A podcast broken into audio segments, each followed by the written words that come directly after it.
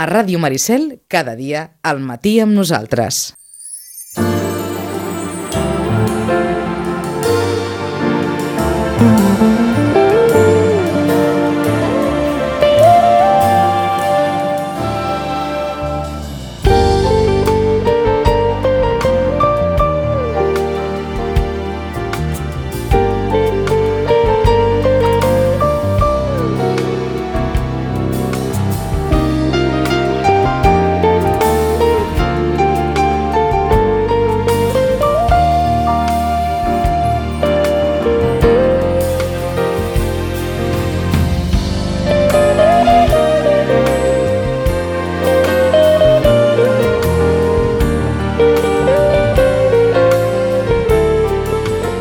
Les 10 i 20 eh, canviem radicalment de, de tema i, i anem a parlar de, de, de l'Hora d'Europa, l'espai que, que cada mes ens porta en Joaquim Millan. Ens porta en Joaquim Millan, però en Joaquim Millan encara no, no ens ha comparegut. Ai, ai, Joaquim, que estem aquí ja, t'han dit ahir 20.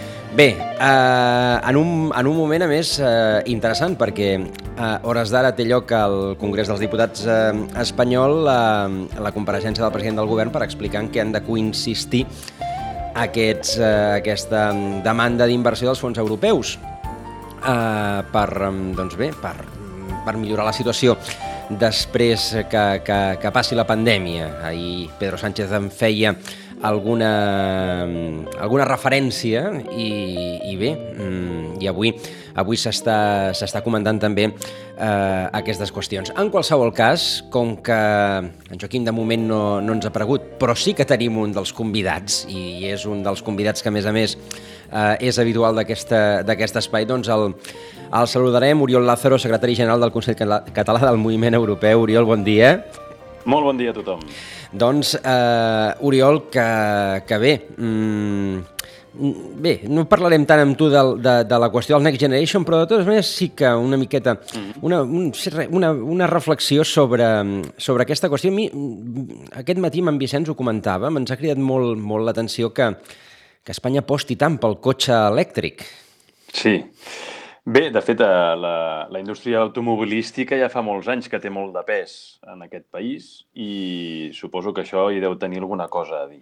Uh -huh. Bé, eh, mira, ahir sentia un, un restaurador, una persona que té un restaurant, eh, queixar-se, però, però molt enèrgicament, de com s'està gestionant a nivell social tot plegat a la pandèmia i les afectacions que, que està tenint ens estem oblidant, com ja va passar amb la crisi econòmica, ens estem oblidant de les persones i estem posant pel davant eh, grans interessos econòmics. I hauríem d'anar molt de compte amb això. Equivocar-te un cop és greu, dos seria, jo crec que imperdonable. La intenció suposo que és molt bona, ara caldrà veure si realment s'aplica de manera que sigui equitatiu, que, que ajudi realment a les persones a tirar endavant, i que ajudi a aquest país a modernitzar-se i, i fer aquest salt cap al segle XXI d'una vegada. Uh -huh. És a dir, que, eh, eh, per explicar-ho d'una altra manera, que no ens trobem que, que al final aquests fons, que són necessaris i que, a més a més, estan orientats en principi en la direcció correcta, no serveixin per mantenir les, les grans empreses de sempre, sinó que, que, que en el fons doncs, ha de servir per alguna cosa més. És a dir, s'està parlant de, de, de cotxes, eh, però clar, al final, mm, quina és la gran indústria de cotxes del país? Doncs bé, la SEAT. Sí, que, que, que per cert, té capital alemany. Que té capital alemany, però bé, està aquí. Oi? Aquesta una. O després, doncs clar, s'està parlant de la, de, de la ecogeneració en els, en els edificis. Al final resulta mm. que, que estarem parlant d'Endesa, Iberdrola i... Mm. Aquí el, el, el que seria realment interessant i que hauria de ser, hauria de ser, socialment hauria de ser el que hauríem d'apostar, és uh, per una cosa que ja fa temps que, que a nivell de, de, de, del tema energètic se'n parla, hi ha fins i tot experiments als Estats Units, eh? que són les microxarxes elèctriques, que seria crear xarxes, per exemple, seria una gran ciutat, doncs anar fent districtes, anar fent barris, que, que fossin autosuficients que evidentment podrien estar, haurien d'estar connectats a una xarxa més gran per si un cas algun dia tenen una caiguda. Però que en el dia a dia, si no hi ha inconvenients, puguin ser xarxes autosuficients de generació, que, o sigui, que generin prou energia, que la puguin acumular per després subministrar a tots aquells veïns que, que la necessitin, eh, l'energia. Però, però sense haver d'ativar d'una producció que no sigui les renovables.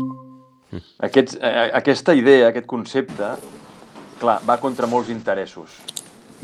I aquí és el problema. Si, el, si anem, si anem eh, caient en, el, aquest, en aquest joc viciat dels interessos econòmics, eh, no aconseguirem aquest canvi, que per altra banda, i aquí apunto una mica una idea, la societat comença a estar impacient per veure que es produeix aquest canvi de debò. Uh -huh. en, en sentit que de cop i volta eh, tenim una autopista a prop i és que s'ha incorporat a la conversa ara sí en Joaquim Millan. Joaquim, bon dia. Molt bon dia. No, no se sent massa bé o què? Uh, sí, sí, però se sentien els cotxes també. per això, per això que no. Que com, com l'Oriol està en una sala, oi? Que no, no, hi havia, no, hi havia, no hi havia més. En qualsevol cas, eh, hem començat ja, ja comentant doncs, eh, aquesta, aquesta qüestió de la, de la inversió anunciada en renovables i en cotxes elèctrics i, i el perill que això, doncs, en lloc de, diguem, de, de, de regar mm, l'economia del país, doncs acabi regant els de sempre. Això li toca a l'Oriol? No, a tu, a tu, a tu. Ah, a tu, perquè l'Oriol ja ho ha contestat. No, no, bueno, aquest és un dels perills, aquest és un dels perills, bàsicament, és un dels perills, també t'haig de dir, perquè hi ha alguns països que les coses les fem d'una manera i uns altres països les fan d'una altra. No és un perill europeu en general.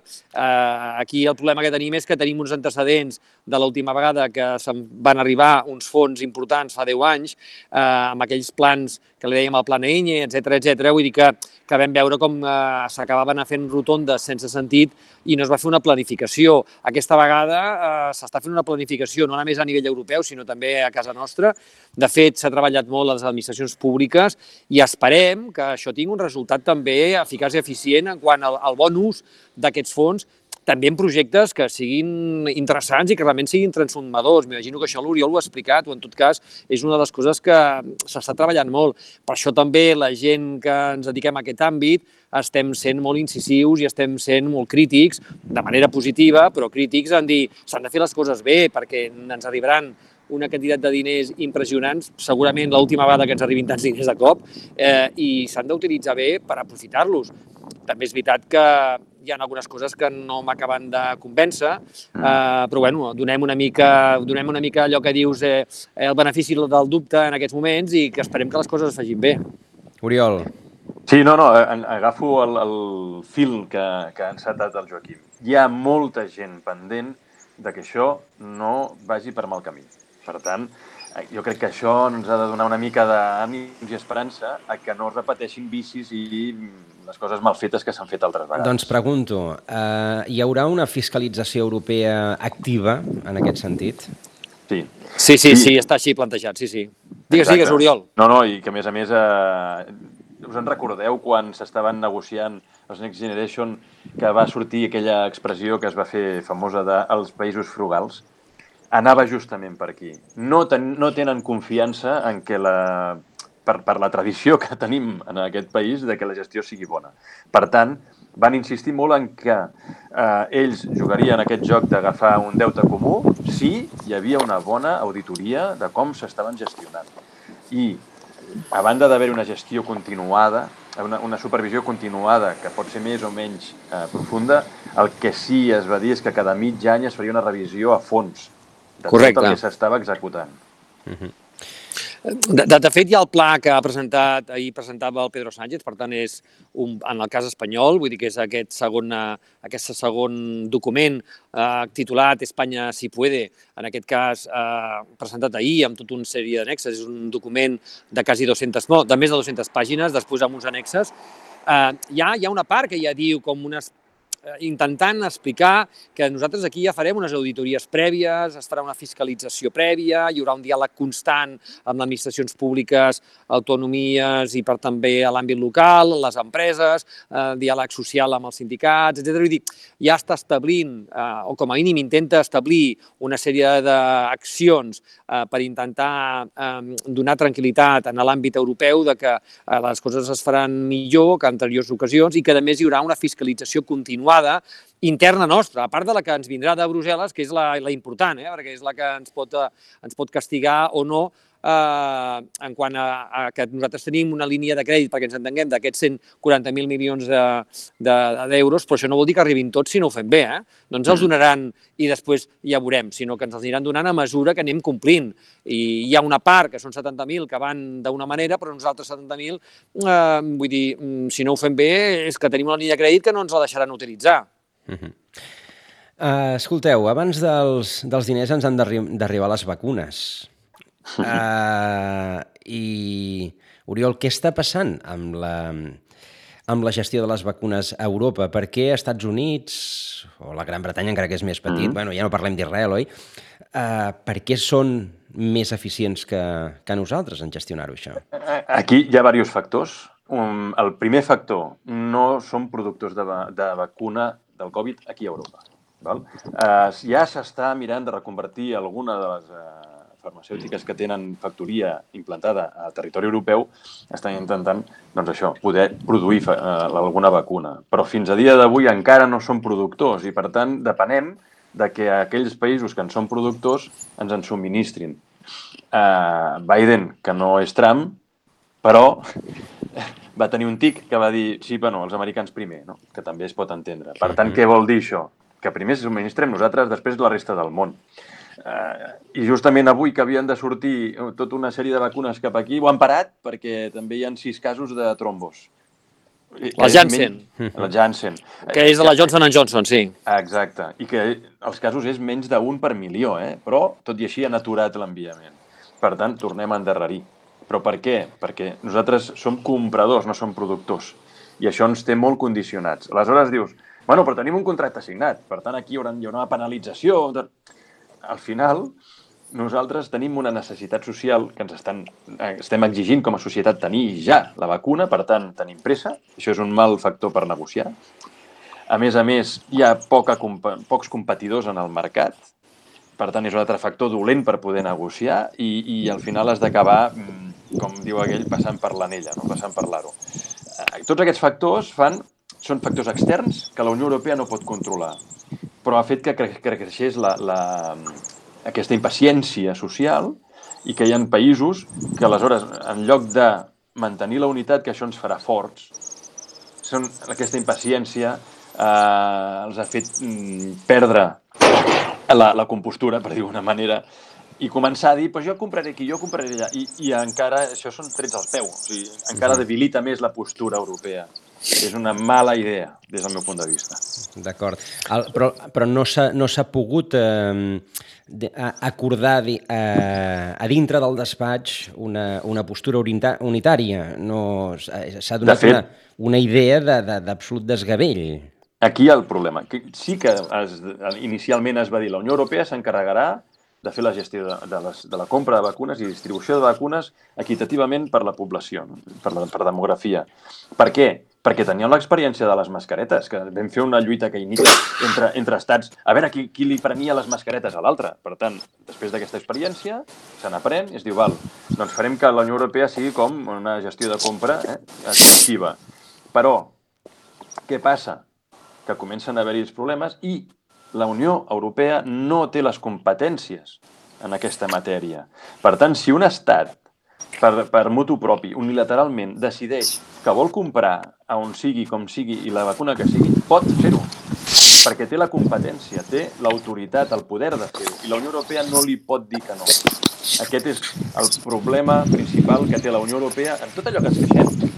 Normalment és perquè els estats estan boicotejant-se directament. Entre ells, sí, entre sí. ells. Perquè la Unió Europea té en aquest moment la potestat de coordinació, però no la de competència sanitària concreta. Per tant, aquí estic totalment caure amb l'Oriol i no només amb el tema sanitari, sinó amb altres temes ens ha Mm. passat històricament el mateix. És a dir, per exemple, recordem ara fa temps el dels refugiats, hi ha una postura comuna a nivell europeu i posar els estats a Brussel·les es fan una foto i després decideixen cadascú pel seu compte aquest tema resoldre'l d'una manera molt diferent a la que s'havia acordat a nivell europeu amb una imatge que ens va perjudicar en el món, perquè tant defensors dels drets humans, etc etc i després aquest tema eh, eh, encara estem eh, pendents una mica de- d'haver passat una mica bé l'examen, que no la vam passar i bueno, ja no és notícia avui en dia, desgraciadament, perquè els refugiats segueixen existint. Eh? Sí, sí. Eh, això per una banda. Amb el tema de la vacuna estic totalment d'acord amb l'Oriol. Una vegada més s'ha demostrat. De fet, ja fa 10 anys, amb la crisi econòmica, us en recordeu que al principi s'abordava també estatal. Jo me'n recordo alguns presidents i, o presidentes d'estats europeus que deien bueno, jo aquesta crisi eh, econòmica la resoldré donant suport a les empreses del meu país. No? Llavors la pregunta era, bueno, quina és una empresa del teu país? Quan resulta de que les empreses del teu país poder estan allotjades fiscalment en un altre país o tenen les fàbriques en un altre país o resulta que els seus eh, inversors són d'un altre país o inclús en un moment donat els seus socis eh, capitalistes són d'un altre país. És a dir, quan parlem d'una empresa d'un país, de què estem parlant? Perquè finalment les multinacionals, ja, ja, ja ho diu la paraula, són multinacionals de més d'una nació. Per tant, ja en aquella època vam veure que al final s'acabava resolent tot amb reunions, allò, microreunions, eh, Merkel-Sarkozy, me'n recordo d'aquella època, on tothom després acabava dient amén perquè, esclar, el tema econòmic, més val prendre una decisió, encara que sigui dolenta, que no prendre cap decisió perquè al final és pitjor. Ara ens trobem ara una mica un mateix amb això. Fins ara semblava que els estats, eh, bueno, més o menys aguantaven aquesta coordinació, etc. però com deia l'Oriol, pues, bueno, hi ha impaciències, també hi ha pressió social, a cada estat té una pressió social diferent amb aquest tema de les vacunes, hi ha notícies a vegades que diuen mira, aquest estat hi ha arribat aquest percentatge i nosaltres no sabem el percentatge que tenim, etc etc etc. I per tant és un tema també molt mediàtic, eh, de molta pressió social, l'oposició també aprofita per fer sang i per tant es prenen decisions una mica amb el cap eh, calent i no amb el cap fred. I ara resultarà que al final, amb això de les vacunes, haurem tornat a descobrir una altra vegada el problema d'arquitectura de, la, de la Unió. Si no tenim les competències, és difícil doncs, que puguem exercir una autoritat en determinats eh, llocs, sobretot quan arriba un moment que és necessari exercir aquesta autoritat. Mira, no és que sigui difícil, és que és impossible. I, de fet, si, si no hi ha una necessitat allò urgent, imperiosa, col·lectiva, no cedeixen aquesta gestió a, la Unió Europea. Bé, és, és el, el... Diguem que ja va néixer torta amb això a la Unió Europea, perquè, per què? Perquè són estats-nació les que van crear la Unió Europea. En aquell moment va anar molt bé per poder fundar-la, però ara, si volem que la Unió Europea s'assembli una miqueta, ni que sigui una miqueta, aquella idea que tots tenim al cap, però que en realitat no existeix, val? els estats haurien de començar a cedir competències, que això vol dir començar a cedir poder. I qui vol cedir poder? Mai ningú. Per cert, ara que, ara que parlem de, de poder i, i tenim també aquí l'Oriol, mm, m'agradaria una reflexió sobre el Silló Gate. El Silló Gate. El Silló Gate, que és com algun mitjà ha batejat el, la desplantada de- Va! de- Sí, d'Erdogan sí, sí. a, Sí, sí. a, la, a la presidenta de la, de la Comissió Europea, la Bueno. senyora von der Leyen, Sí. mm, diguem, amb, amb una certa condescendència, condescendència de Charles Michel. Aquí el Erdogan juga molt bé les seves, les seves cartes. Escolta'm, ell, ell té, té un paper molt clar i té, té, té molt clares les seves idees. I a més, vaja, ell, ell juga el seu, el seu, la seva partida i ho fa molt bé i a sobre li surt bé. Aquí, el, el, el que és curt de mires o lent de reacció és el senyor Michel. Està clar. Ell és el que hauria d'haver o, o cedir la cadira a la senyora von der Leyen, que tampoc no, no crec que hagués de fer, sinó que jo crec que haurien d'haver assegut els dos al sofà, junts. Perquè si som una Unió Europea, ens asseiem junts en el mateix lloc. Mateixa importància, mateix nivell. Bé, és un dels problemes de, tornem-hi, eh, l'arquitectura de la Unió Europea. Uh, no me'n recordo quin president americà deia és que quan truco a Europa no sé qui trucar. Perquè Which no- telephone number, no? Which telephone number. Exacte. Aquí, Això ho deia el Henry Kissinger ja fa molts anys, eh? Exacte. Imagina't, no sabia que era el Kissinger. Sí, Val, sí, el doncs, Kissinger. Clar, si, si ja des d'aquella època tenim aquest problema de que hi ha tres caps diferents, i aquí en truco, pf, escolta'm, eh, això sí que eh, els estats haurien de començar a donar-se'n que si no ho resolem, en el segle, estem al segle XXI, és que ja, haurien d'estar resolts, això. Si no ho resolem, mm, ens estem, ens estem eh, un altre cop tirant trets al peu i no avançarem i, i al revés, anirem reculant encara més del que ja ho estem fent. De totes maneres, aquest, aquesta foto ha fet molt mal eh, internacionalment, però també internament a la Unió Europea, perquè si un de les un dels accents o un dels pilars, una de les prioritats de, justament de la senyora Ursula von der Leyen, per primera vegada una dona presidint la Comissió Europea, que és eh, tot el tema de la igualtat de gènere, eh? i ens passa això, eh, esclar, és que realment ha sigut contraproduent internacionalment i internament. I estic totalment d'acord que no sé si aquí els serveis de protocol de les pròpies institucions van fallar o no ho sabien fins l'últim moment, etc etc. però jo penso sí. que aquí el senyor Michel és tingut que Ah, bueno, per això tu ets líder, perquè et prenguis decisions sobre la marxa. En un moment donat tu has de prendre una decisió. I ell en aquell moment no la va voler prendre. I llavors això, bueno, avui sortia també als mitjans de comunicació les disculpes públiques, eh, no només institucionals, sinó personals del senyor Michel amb la senyora von der Leyen. I el senyor von der Leyen li contestava, no pateixis, no tornarà a passar això. Sem sembla, ser, sembla ser que en una anterior visita eh, a Erdogan Uh, sembla que era Donald Tusk i, i no recordo qui, qui l'acompanyava, però bé... Els, en, en Juncker, sí. En Juncker, Juncker, Juncker, sí. Uh, anava, van, els van posar en pla d'igualtat. És a dir, que, que, que la intenció era, era prou evident i, i aleshores, doncs, això, vam, vam, tothom va criticar Erdogan, però, però més d'un van pensar, home, potser Michel aquí, oi? Ha patinat, totalment. Absolutament. Totalment. Um, doncs, uh, escolta'm, Muriol, uh, mol moltes gràcies per aquesta, per aquesta estoneta, val? Uh, gràcies a vosaltres que bé, esperem que anava a dir, no, no estarem vacunats oi? quan ens tornem a veure el ritme no, que anem però bé, en qualsevol cas eh, com dèiem, eh, moltes gràcies per aquesta, per aquesta estona i, i fins aviat moltes gràcies a vosaltres fins aviat Adeu. Oriol, una abraçada Adéu i en aquest, eh, en aquest punt de, de la nostra hora d'Europa saludem a la, a la nostra eh, altra intervinent en, aquesta, en aquest espai d'en eh, Joaquim Millan, que és la Mònica Plana, que és eh, llicenciada en dret, especialitzada en dret de la, de la Unió Europea. Mònica Plana, bon dia. Hola, bon dia des de Girona.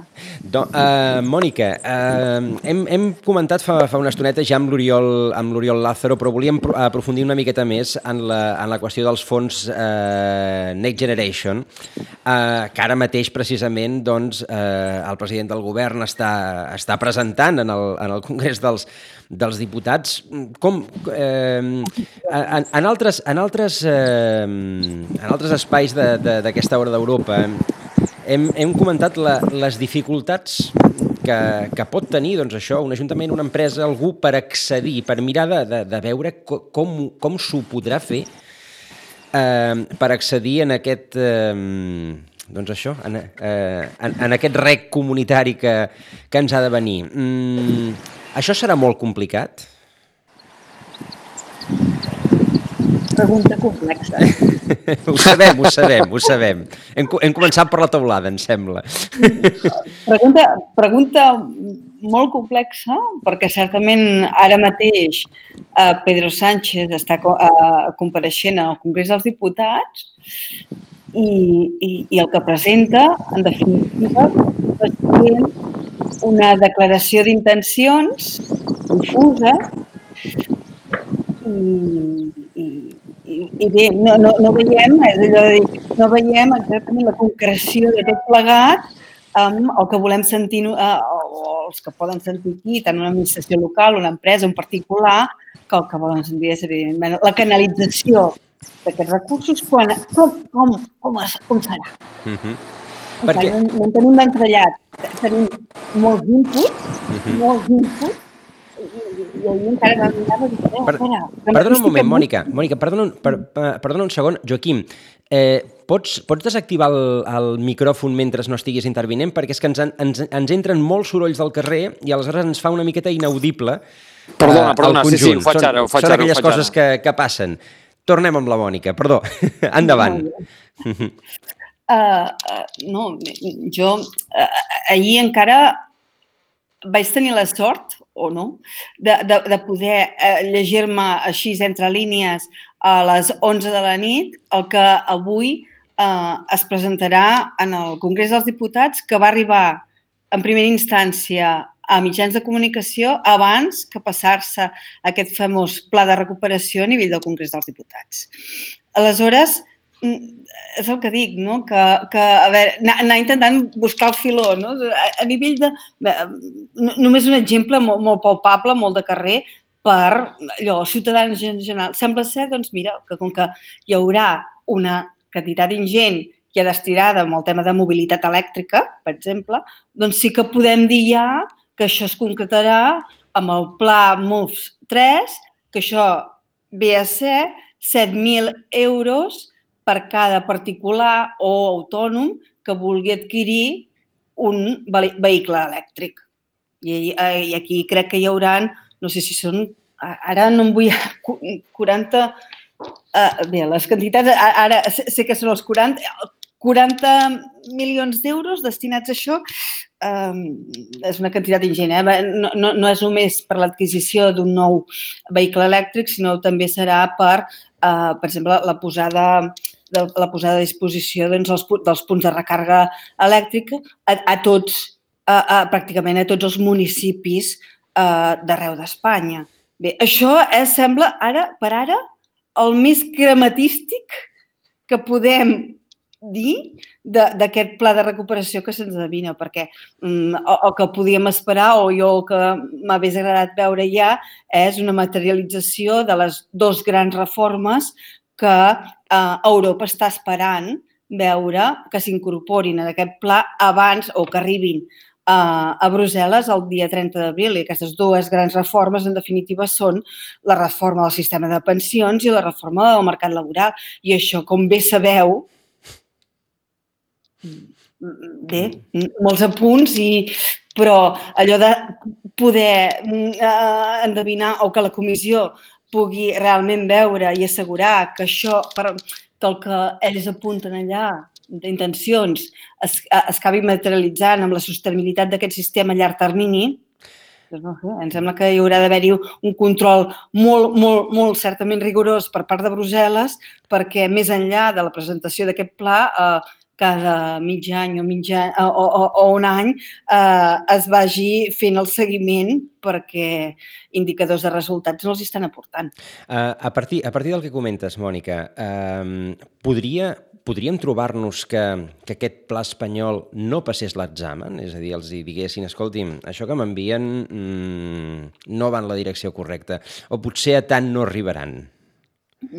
Dubto que arribin a tard perquè ja no, els esculls són en altres, en altres en altres nivells, en tot cas. Uh -huh. uh, o ara, o, ara o potser, no, no, potser no cal fins i tot posar-ho sobre la taula perquè ens han promès tant a nivell, a nivell estatal que, que ara si fas molt visible de que um, uh, per allà a Alemanya la cosa està una mica paralitzada i, i que, per tant, això pot ser un escull insalvable que els fons no acabin mai arribar, doncs uh, jo crec que ja tenim eh, un, una atenció posada com per um, incrementar encara més les alarmes, com per uh, pensar que la comissió uh, no donarà el, el vistiplau en aquest pla que es presenti. I el que veig més és el que oh, us apuntava aquí, que en tot cas bé, farà la vista una mica grossa i, en tot cas, això, a, mesura que s'hagin eh, d'anar establint, com que hi haurà una comissió de seguiment als controls posteriors, en aquests controls posteriors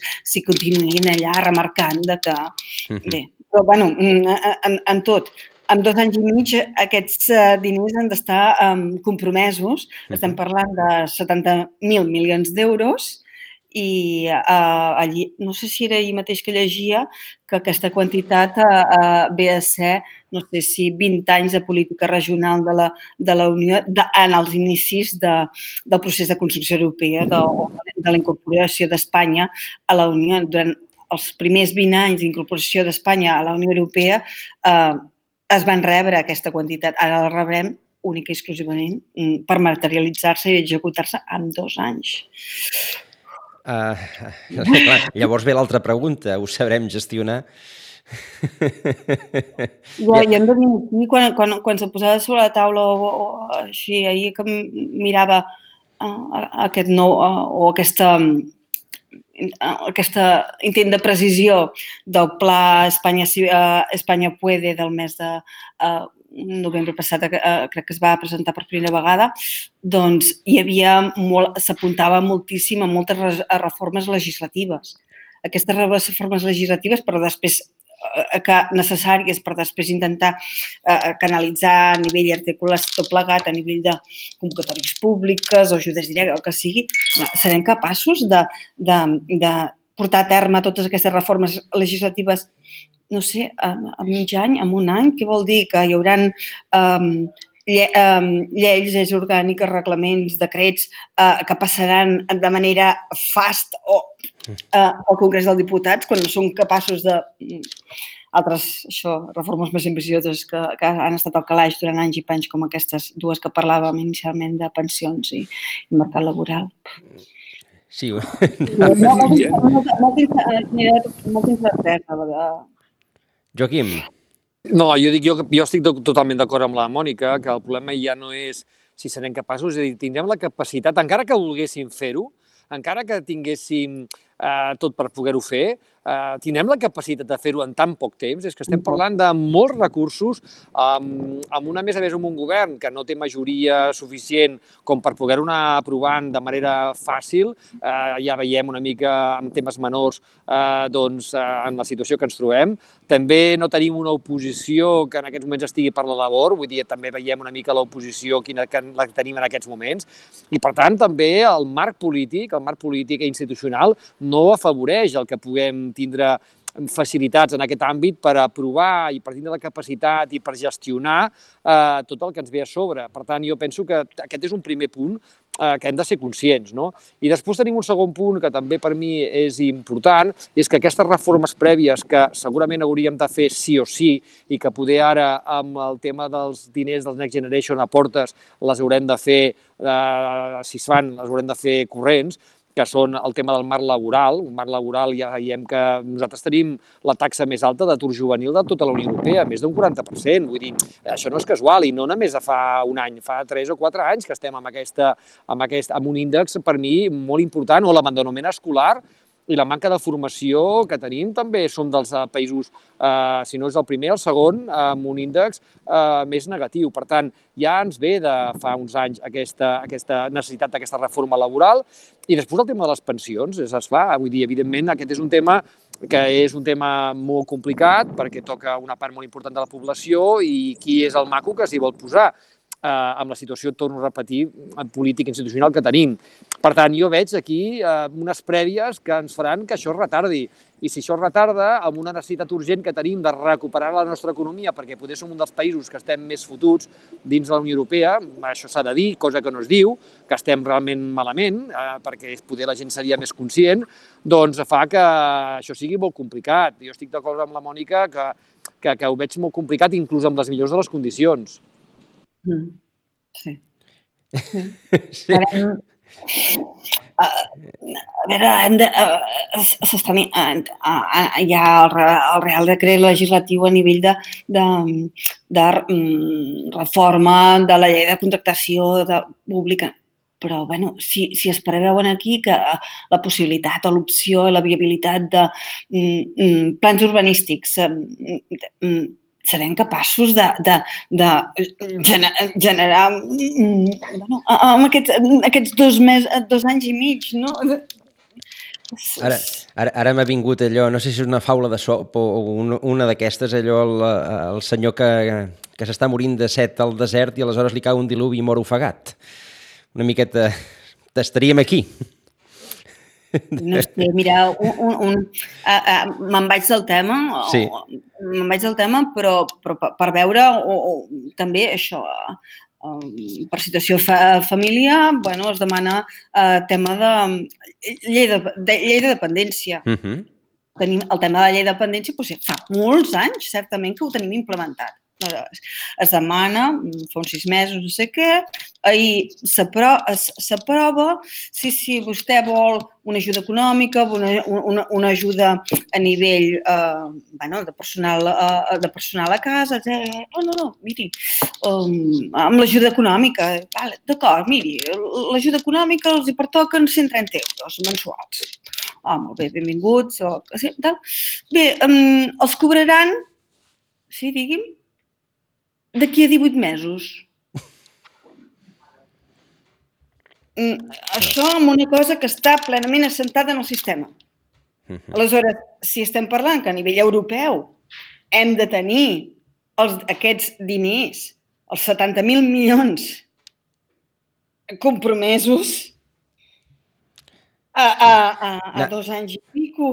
Mònica, no tenim l'estructura preparada administrativament per, per assumir la, la titànica gestió de, que representa això. És més o menys aquest el missatge. Està, està passant en, el dia, en aquests dia a dies amb coses això, això plenament assentades. Uh -huh.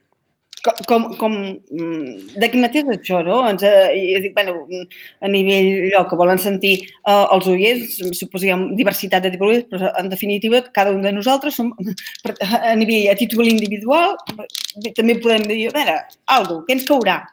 Lingua. Oh, aquestes ajudes pla molt, molt d'acord. Oh, ja ha sortit. Ah, oh, 7.000 euros. Com els gestionarem, aquests? Quan tardaran a arribar? Vale. Des del moment que, que s'entra un la sol·licitud, també 18 mesos? Dos anys? Uh, um, no anem bé. Surt espellat el cotxe.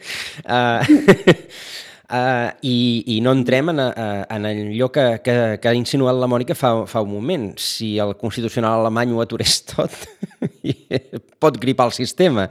Ja no... Eh, estem, estem pamats de, de, de veure els, aquests, aquests acords a les, 3 de la, a les 3 de la matinada, a les 5 de la matinada dels caps d'estat i del govern mm. de l'avió. Aleshores, en aquí també jo crec, dic que no, per això no hi vull posar molt, molt eh, dir, mm, vull pensar que, que aquest escull uh -huh. també el salvarem i el superarem. el que passa és que el, el, el dubte, per tant, ens queda en la, en la gestió, no tant en, en, en el que es demani i que acceptin, sinó en com serem capaços de gestionar el que ens, el que ens pot venir. La solució real, amb la, amb la solució real, perquè si es posa sobre la taula s'ha posat darrerament moltes vegades en intervencions a nivell de, a nivell de Congrés dels Diputats, eh, això de l'absorció de, de fons, les respostes immediates de que venen del govern són mm, nosaltres uh, uh, el govern espanyol compleix i, i, i no hi ha, som els que absorbim millor els fons europeus i després, per contra, tens les dades reals que, que això no ha estat així i no és així. I si ens posem només, únic exclusivament en el que, que l'eix, que és política regional, o fons, el fons FEDER, que habitualment coneixem, i si ja ens anem a l'especificitat uh, dintre dels fons FEDER, doncs hi ha hagut uh, no sé, quan algun dels oients els coneix, els, fa, els, fa, els famosos PEC, que eren els projectes d'especialització i competitivitat eh, territorial, que eren gestionats a, a través de, en aquest cas, una gestió totalment descentralitzada a nivell de Generalitat de, de Catalunya. Al final, d'aquests PEC hi van acabar venent molt xocolata per a tots per la por aquella de dir, bé, si no els distribuïm tots, després, clar, ens apacarem de no absorció. Els distribuïm a tots, però què fem? Els distribuïm a tots amb, realment, no s'ha aprofundit en la, el formulari de candidatura, la sol·licitud feta, el projecte en si mateix considerat i després s'ha donat aquesta quantitat de 4 o 5 milions d'euros a partenariats i consorcis que no tenien la capacitat ni l'expertesa per fer-ho. I aleshores ens hem trobat, vale, sí, sí, els hem entregat, però mm, dels 5 mil milions d'euros doncs potser aquests només mm, doncs en retornen 3, o en retornen 2, o en retornen 1, o a males, bueno, ara els estem donant unes pròrrogues d'un any mm, a redors de la Covid no arriba a haver-hi la Covid i aquesta absorció que ens diuen que és excel·lent i magnífica, amb un camp molt, ah. molt focalitzat, eh? ara que us dic, amb, amb, amb una punt, amb una tipologia de convocatòria molt i molt concreta. Mm -hmm. doncs, però, però que, pot ser, que pot ser, en el fons, una miqueta exemple de, de, del que pot passar si no, si no ho sabem gestionar bé. Estem arribant, eh, estem arribant al, al, al final del, del nostre temps. Uh, Joaquim, gràcies des d'aquesta de, des mena de polígon on ens saludes. Castelldefels, em sembla que estàs, no? No, avui estic a Sitges, però no m'ha donat temps d'arribar Mare de Déu, escolta'm. doncs escolta'm. Uh, Mònica Plana, moltíssimes gràcies des de Girona. Diguem tancadets, tancadets en aquest, uh, en aquest cas. I com dèiem, Joaquim, ens tornem a retrobar el, el mes vinent. I a tots vostès també, moltíssimes gràcies uh, per l'atenció. Uh, que passin un molt bon dia i ens retrobem demà.